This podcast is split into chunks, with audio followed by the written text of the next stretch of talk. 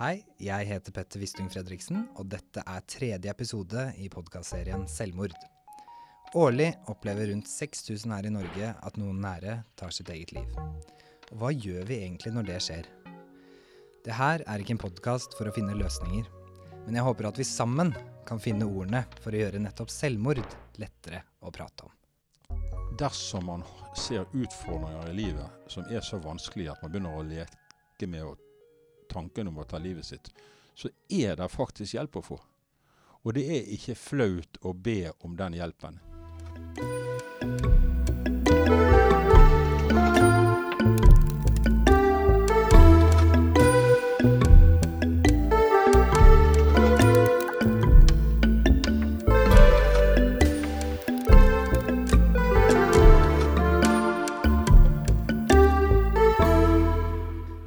År tar rundt 600 personer livet sitt i Norge.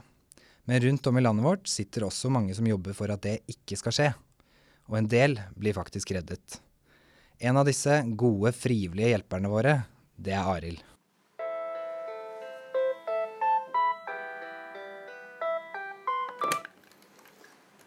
God dag, du er kommet til Kirkens SOS. Hei.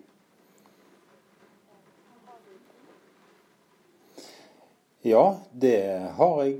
Jeg eh, sitter nettopp fordi jeg har lyst til å høre hvordan du har det. Eh, Det som eh, er med Kirkens SOS, det er det at der er 100% anonymitet. Altså De som kontakter oss, de behøver ikke si sitt navn, hvem de er. De behøver ikke si hvor de ringer fra.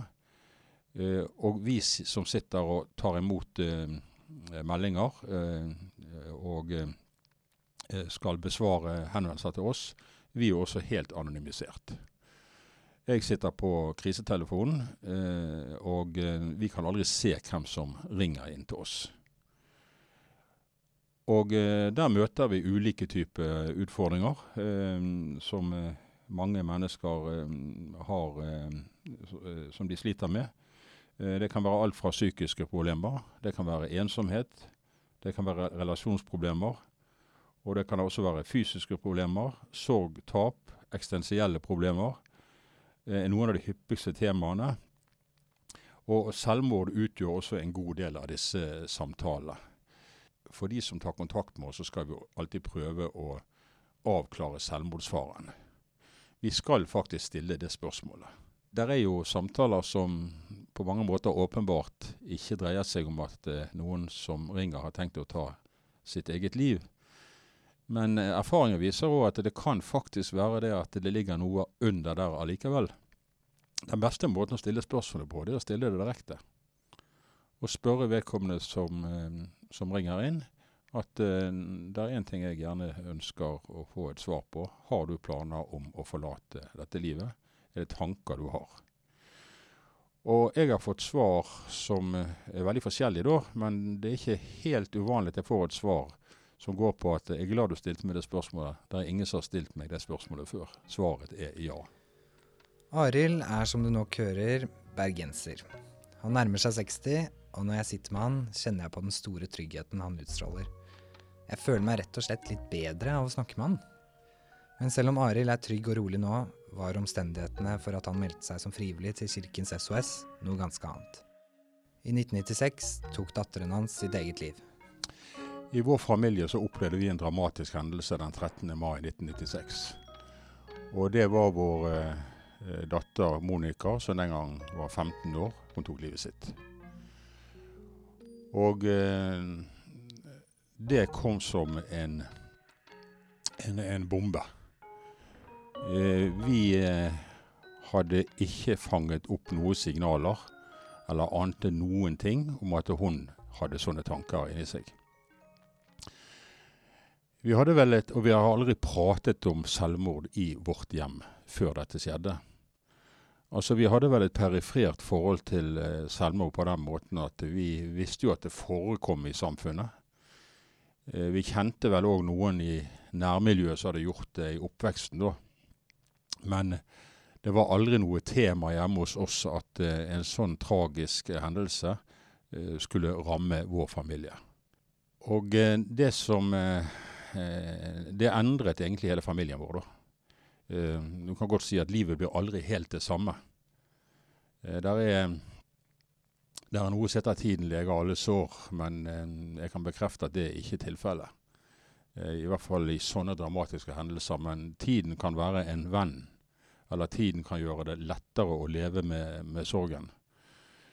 Men det er en bit av oss er vekke som fortsatt skulle vært her på denne, eh, og sammen med oss. da. Så det var, det var, eh, det var eh, Det er veldig vanskelig å sette ord på hvordan det føltes. Altså jeg, vår familie, vi som var igjen, min kone og meg, og våre to barn, det endret jo alt for oss. Og jeg må si det at jeg visste vel ikke det fantes sånne dype avgrunner. Jeg trodde aldri kunne gå så dypt ned følelsesmessig sett. Men i alle fall så hadde jeg en, en trigget litt tanker etterpå eh, hos meg om å kanskje kunne være med og bidra og være en ressurs i en eller annen sammenheng når det gjelder selvmord generelt, men også spesielt rettet mot unge mennesker som tross alt har hele livet foran seg, da. To ganger i uken sitter Arild og tar imot telefoner. Krisetelefonen er en landsdekkende tjeneste og det kan være alt fra voksne til ungdommer til barn helt ned i tiårsalderen som ringer. En av de som kunne ringt dit, er 23 år gamle Anniken fra Fredrikstad. Da hun gikk på videregående, føltes livet som en lang, mørk tunnel uten lys igjen. Jeg har alltid elska å drive med sang, dans og skuespill eh, og musikk. Eh, og det gjorde sånn så jeg søkte meg inn på musikklinje på videregående. Og da Eh, begynte det først med at det var veldig gøy, eh, og så hadde jeg hele livet hørt at jeg hadde noe helt unikt da, med min stemme og min sangstemme, på en måte. Eh, og så måtte jeg brått dele det da med 30 andre da, i klassen. Eh, og det var først da som det prestasjonspresset ble ekstremt høyt, og at jeg til slutt ikke så verdien i det mennesket jeg var lenger, men at jeg bare levde på de ytre prestasjonene da, og bare hvordan jeg så ut, hvordan talentet mitt var. Jeg skulle være best i alt. Eh, det var det jeg livnæra meg på, da. Anniken går mindre og mindre på skolen, og stenger seg stadig mer inne på rommet sitt. Når vi mennesker har det skikkelig dritt, er det mange som tyr til selvskading. Det finnes flere måter å skade seg selv. Det kan være fysisk, psykisk med onde ord og tanker, og for Anniken var fylla en måte å døyve livet på. Den tida hvor jeg hadde det som verst, så eh, våkna jeg mye på, på nettene. Jeg sov, sov, kanskje bare sånn 30 minutter av gangen, hvis jeg sov i det hele tatt. Eh, jeg gikk jo på sovepiller da, for å få det til å Eller for å hjelpe meg. Eh, det var jo mamma og pappa gikk jo opp De hadde på alarm, tror jeg, for de gikk opp sånn hver time for å sjekke meg nesten. Noen ganger så sov mamma rett utafor døra mi på madrass. Og da husker jeg at hver gang de kom opp, så lata jeg som at jeg sov. Fordi jeg orka ikke at uh, vi skulle snakke noe om det, eller da ville jeg bare ha fred, da. Uh, men når uh, det ble morgen da, så ringte jo alarmen min til vanlig tid som at jeg egentlig skulle på skolen. Men det var jo de fleste dagene så valgte jeg å ikke dra på skolen, da. Bli liggende. og det var jo ikke det at jeg At jeg ikke gadd, på en måte. Det er vel mer at jeg turte ikke, da. Jeg, da visste jeg at jeg måtte ta på meg den maska om at jeg hadde det bra, når jeg egentlig ikke hadde det bra i det hele tatt. Eh, så lå jeg bare inne på rommet. Mamma og pappa kom opp med mat og drikke sånn at jeg skulle få i meg det. Det var ikke alltid jeg gjorde det engang. og så når klokka bikka sånn rundt fem, da, så kledde jeg på meg, og så dro jeg på teater. Sosiale medier er jo en utrolig viktig arena å være på i dag. På Annikens Instagram-profil kunne man se kraftig retusjerte bilder av henne selv i sort-hvitt. Og de tre føflekkene hun har på haka, de ble redigert bort på alle bilder. Enten det var hennes egne eller andres. Så um, Og på den tiden da, så hadde jeg jo det som kanskje var kalt en instavennlig kropp. Og en instavennlig tryne, på en måte. At jeg uh, jeg var jo absolutt ikke feit, som jeg trodde på den tida. Når jeg ser tilbake på bilder, så blir jeg jo helt sånn blir helt skremt av hvordan tankene mine kunne være på hvor fæl jeg var, og hvor feit jeg var, og de type tankene, da. Fordi når jeg ser på det i dag, så ser jeg jo bare en jente som er fryktelig redd. Uh, til og med på bildene som jeg smiler, så ser jeg frykten i øynene mine. Det var en dag uh, på videregående som jeg orka Jeg orka ikke mer. Det var uh, Jeg kan liksom ikke huske tilbake og tenke på at det var en hendelse eller noe sånt som vippa alt over. Det bare var helt kaos i hodet. Så var det noe inni meg da som sa det at nå skal du få slippe å leve med alle de vonde smertene. Og den eneste veien å gjøre det var å ta livet ditt, da. Den dagen så tenkte jeg det at uh, At jeg ikke skulle leve lenger med alle de vonde følelsene. Uh, jeg husker jeg liksom ga en sånn skikkelig god, god, klem til en klassekamerat som visste litt om hvordan jeg hadde det, som jeg hadde åpna meg til. Uh, så kjørte jeg hjem veldig raskt. hadde da allerede skrevet brev til venner og familie og mine nærmeste. Eh, ikke at jeg hadde planlagt den datoen, men jeg visste at en eller annen gang, som for sikkerhets skyld, da, hadde jeg skrevet ned brev. I min verden da, på den tiden så trodde ikke jeg at noen kom til å bli, kom til å bli lei seg hvis jeg forsvant. Jeg følte meg som en byrde. Det var jo eh, en sommer når jeg ville på HV-festivalen f.eks., så var det jo mamma og pappa leide seg en hytte i Arendal fordi at jeg skulle dit. Altså det var Jeg følte at uh, livet deres ble lagt opp på grunn av meg, da. Eh, og at egentlig uh, alle ville fått det bedre hvis jeg bare ikke var her. kanskje de ville blitt lei seg en liten periode, men så hadde de blitt letta etter hvert. Det var de tankene som foregikk i hodet mitt, da. På hvilken måte ville de fått det bedre? De ville fått det bedre, for da slapp de å eh, ha en så negativ person i livet sitt, da. Eh, men han kompisen min, han skjønte at eh, jeg pleide ikke å gi han så, så, lange klemmer, rett og slett, tror jeg. Eh, så da sendte han en melding til mamma og sa at nå må du hjem fra jobb. Og da kom mamma hjem, da. Heldigvis. Når du er deprimert, ødelegger det livsgnisten. Det føles vondt og tungt og kommer med symptomer som søvnløshet og lite matlyst. Krisetelefonen får 200 000 telefoner i året, og Arilds oppgave er å få tent den gnisten igjen. Altså De fleste som ringer inn, de har en ambivalens i seg. Da har de på en måte tatt kontakt. Eh, hvis jeg gjennom samtalen eh, forstår at her er det selvmordsfare ute og går, så eh, prøver jeg å eh, Da har jeg veldig fokus på den jeg snakker med selvfølgelig.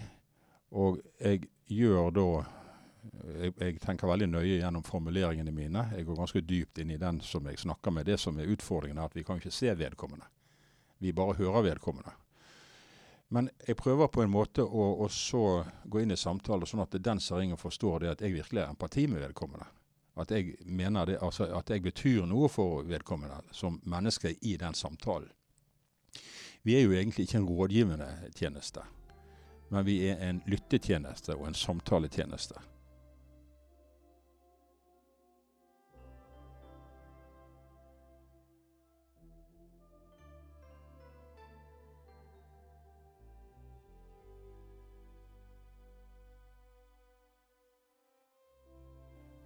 Det var en, eh, en, ung mann, og han eh, mestret ikke omgivelsene rundt seg.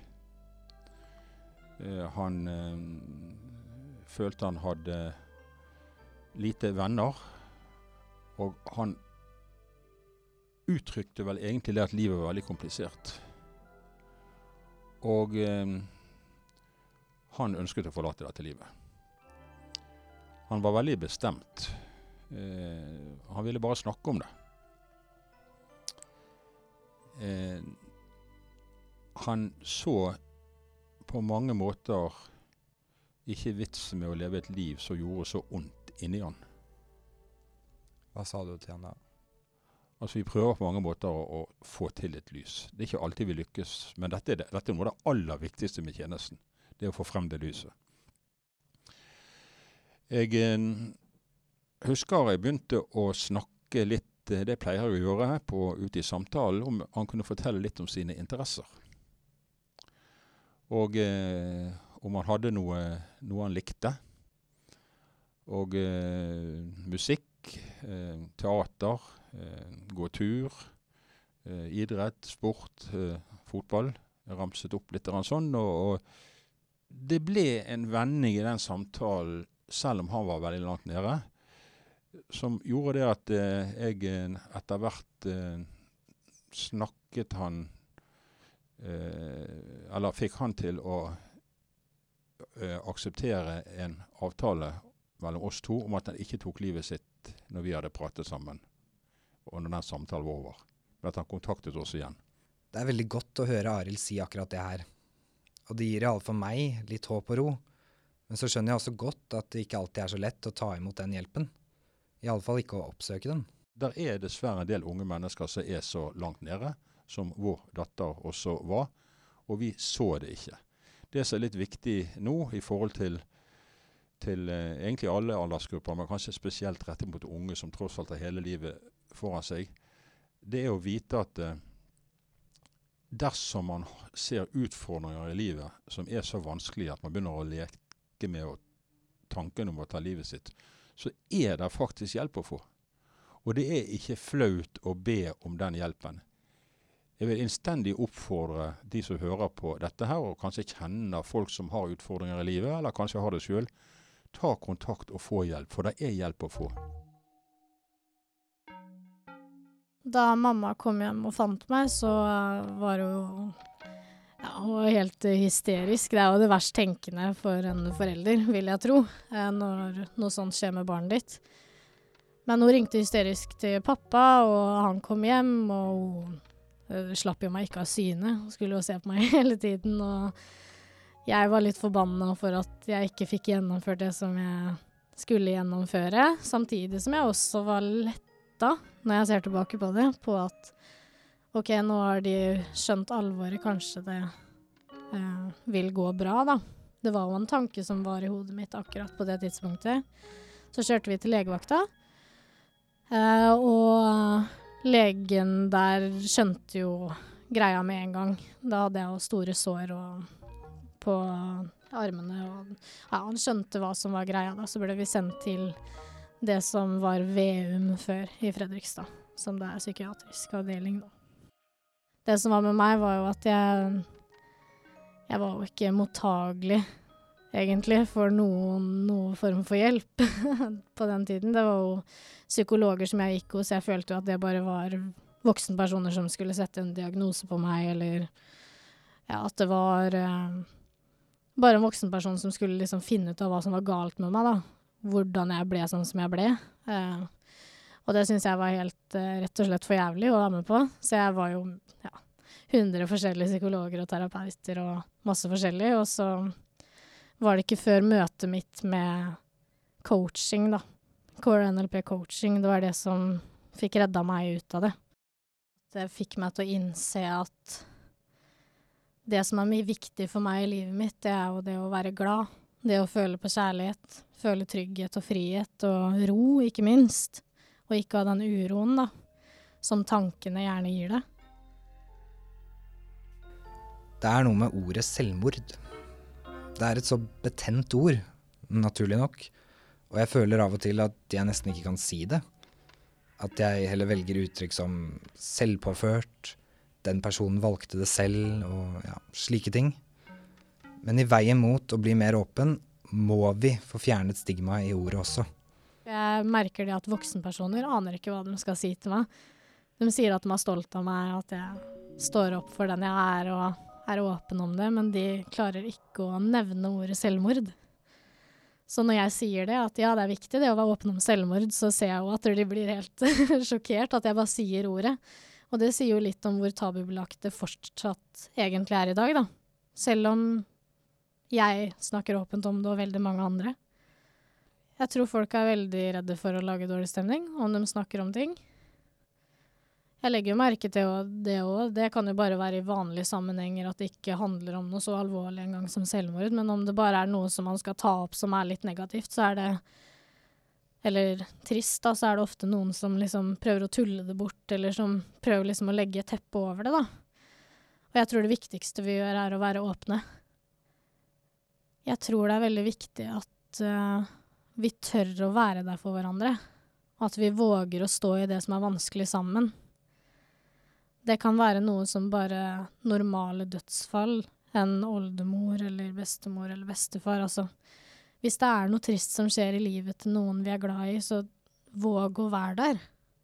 Våg å bare være til stede. Det er jo Og ikke minst, da, våge å få hjelp, da. Stikkordet for mitt vedkommende det er åpenhet. Vi må ha en åpen debatt om selvmord. Vi må ikke lukke den inne. Altså, Der er jo de som hevder det at jo mer man snakker om selvmord, jo mer kan du hos enkelte trigge tanken om selvmord. Men forskning viser det at, eh, at eh, det er faktisk motsatt. Eh, det er dokumentert at det å ha åpenhet rundt selvmord for å vite at det finnes hjelp, det er bedre enn å lukke det inne. Sånn som man gjorde for ikke så mange år siden. Så var jo selvmord et tabutema fullstendig. Så det har nok litt med vår datter sin brå bortgang å gjøre. Eh, men det kan godt være at jeg uavhengig av det hadde gått inn i denne tjenesten. Men samtidig så har jo jeg eh, også eh, lyst til å bruke min erfaring til å gi litt tilbake igjen til eh, mennesker som eh, har eh, slike tanker. Og ofte så er det også sånn at altså ensomhet, relasjonsproblemer, nettverk Det er veldig mange krav i dagens samfunn. Selv om de ikke leker med tanken om selvmord akkurat der og da, så kan vi kanskje prøve å få de inn på et annet spor, sånn at ikke den tanken begynner å komme og etter hvert eh, vil forsterke seg. da.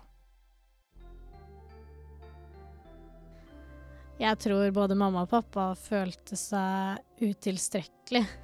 Uh, at uansett hva de gjorde, så vred jeg på det, og det ble feil. Uh,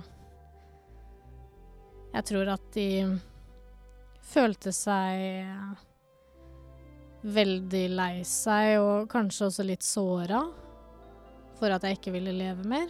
Uh, men jeg tror jo Altså, jeg, jeg, tror aldri at de mista håpet. Uh, det var jo på en måte noe som de skulle fikse. Så har jo jeg hørt i etterkant, nå som vi har vært åpne om det med hverandre og snak, snakker mye om det, at de også gråt jo, holdt rundt hverandre og var helt fortvila. Og jeg ante ikke hva de skulle gjøre. Jeg prøvde alt de kunne. da, Prøvde å få meg til psykologer som jeg ikke ville til. Jeg var jo 18 år òg, ikke sant, så de, de hadde jo ikke noe rett over meg. De kunne ikke bare tvinge meg til å gjøre ting. De kunne ikke tvinge lærere til å fortelle noe om meg, fordi det er jo taushetsplikter og hele pakka, så de følte seg nok veldig utilstrekkelige, og at de ikke fikk gjort noe, da, men samtidig så så mista de aldri håpet. De visste at vi skal få det til. Så jeg tror også den dagen som mamma fant meg, da, den dagen jeg prøvde å ta livet mitt, at hun At det også var en litt sånn lettelse for dem.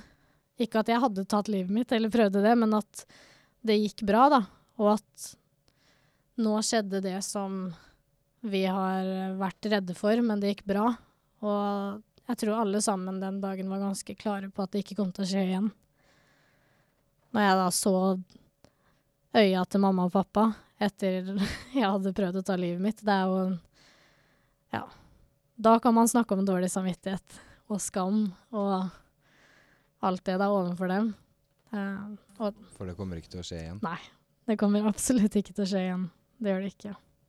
Psyken min i dag er uh, mye, mye bedre enn det den var. Det går ikke an å sammenligne engang. Uh, nå har jeg jo alle de verktøya som jeg trenger for å komme meg ut av destruktive tankemønstre, da, hvis de oppstår. Så jeg er ikke redd for at uh, jeg skal havne på samme nivå igjen. Men selvfølgelig, det er oppe- og nedturer og Men det er en del av det å være menneske, da. Så jeg vil si at psyken min er, er helt normal. Kirkens SOS søker alltid nye frivillige, og du får en god og trygg opplæring om du ønsker å bidra. Og om du sitter med noen vonde tanker og føler på håpløshet, snakk med de rundt deg. Eller ring f.eks. Mental Helse på 116 123. Kirkens SOS på 22 40 0040. Om du trenger akutt hjelp, ikke nøl med å ringe 113. Alle telefonene er døgnåpne og vil virkelig hjelpe deg. Denne podkastserien er laget av Unge Leve i samarbeid med Monster. Produsent har vært Fride Næss Nonstad, og musikken er laget av Ivar Djurhus. Forarbeid er gjort av Kristina Jonstad, og grafikk er laget av Nico Gransjøen. Programleder har vært meg, Petter Wistung Fredriksen. Vi høres igjen i neste episode.